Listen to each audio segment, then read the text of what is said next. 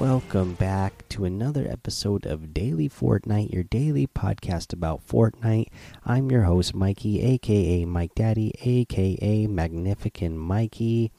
Today, Fortnite World Cup has officially started, and we had a really good start. Today, we had the uh, Pro Am and the Creative Finals as well. For the Creative Finals, Team Fish Fam won that included Cizzorz, him Tyler, Susu, uh, Susu, and Zand Official. Congratulations to those players. Really awesome. I mean, Cizzorz makes you know the best uh, death run in creative maps, and you know he he passes his own creative maps before he publishes them out there. So you know this guy's going to do good in in creative modes. They did the creative game mode that they had done at a previous event, but it was still uh, really fun to watch. Uh, for this celebrity pro am, that was really fun to watch as well.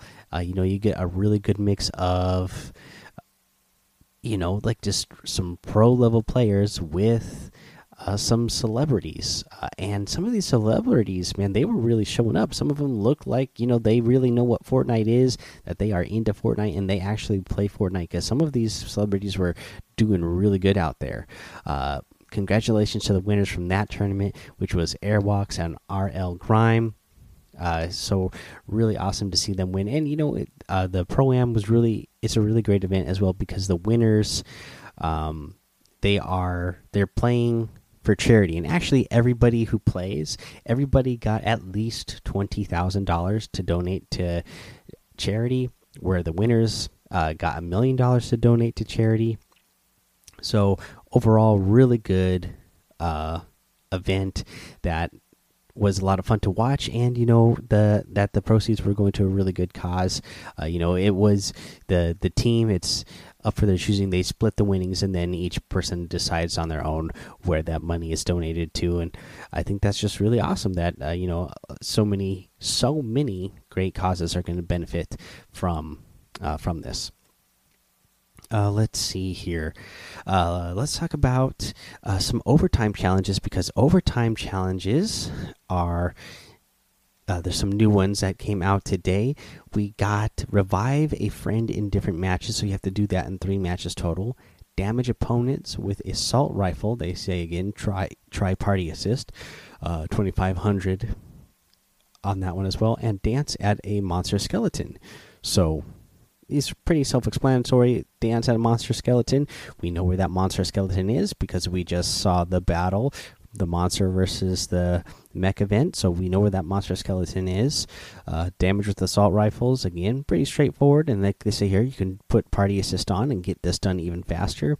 And then revive a friend in different matches. Uh, you know, this is easy. I would I would get a, a friend, uh, uh you know, a group of uh, squads and uh, like right now we have the teams of 20 squads you have heavy metal squads there's regular squads uh, you know you can't do team rumble for this because there's no revive in that but you know you can do those uh, and by the way that's the LTMs that we have in the game right now. We still have the prop hunt. We have heavy metal squads and teams of 20 squads. Uh, head into, you know, that heavy metal squads or the teams of 20 squads. That way you can revive your friends after they get eliminate or after they get knocked, and when you're uh, when you get knocked, your friends can revive you. And you know another way is if you all group up together. Uh, you guys can all go land somewhere far away from where the action is. Uh, you know, harvest some material, build up a big ramp. One of you at a time jump down to get knocked, while the other people take turns uh, reviving you know, you all take turns reviving each other so you all can get this uh, challenge done faster. Because you, again, you really want to get these free overtime uh, items. All right, guys, we're going to go ahead. We'll take a little break here, come back, go over the item shop, and a tip of the day as well. It's Kaley Cuoco for Priceline. Ready to go to your happy place for a happy price? Well, why didn't you say so? Just download the Priceline app right now and save up to 60% on hotels. So, whether it's Cousin Kevin's Kazoo concert in Kansas City, go Kevin, or Becky's Bachelorette Bash in Bermuda, you never have to miss a trip ever again. So, download the Priceline app today. Your savings are waiting. Go to your happy place for a happy price. Go to your happy price, Priceline. All right, so we got the item shop today, and you know we had the pro am today. Marshmello and Ninja won last year's pro am, so you know Marshmello was going to be uh, item that they put back here in the item shop. So we got the Marshmello outfit back in the item shop. Uh, again, uh, me and my son have been listening to Marshmello for a few years now. My oldest son, so you know we had this one already. We absolutely love that one. We get the Marsh Walk emote back in the item shop as well. Uh, the Mellow Rider glider. Again, I love all the stuff in this set, and we get a new item added to this set. This is Mellow Mallets harvesting tool. So this is a dual. Uh, wielding items. So you're holding two mallets and swinging them. And the description here says there times two. So now, if you guys don't know, there times two is not a song by Marshmello, but it does feature Marshmello. It's actually by uh, the it's on the album and it's by Slushii S L U S H I I I believe is how he spelled it. Let me look it up real quick. Uh, Slushii yeah, S L U S H I I, and the name of the song is there times two, just like the description of the of the harvesting tool here. Really good song that is a mashup of Slushii and Marshmello together. It's one of my uh, mine and my oldest son's favorite songs by uh, or that features Marshmello. A really good song there, and I really like Slushii as well. So good stuff. Uh, let's see here. Uh, we get all of the Banner Brigade stuff still in here. So the items the that you can change the you know the the the banners for your outfits or those items. Now, the real cool thing we got here, the World Warrior outfit is still in the item shop.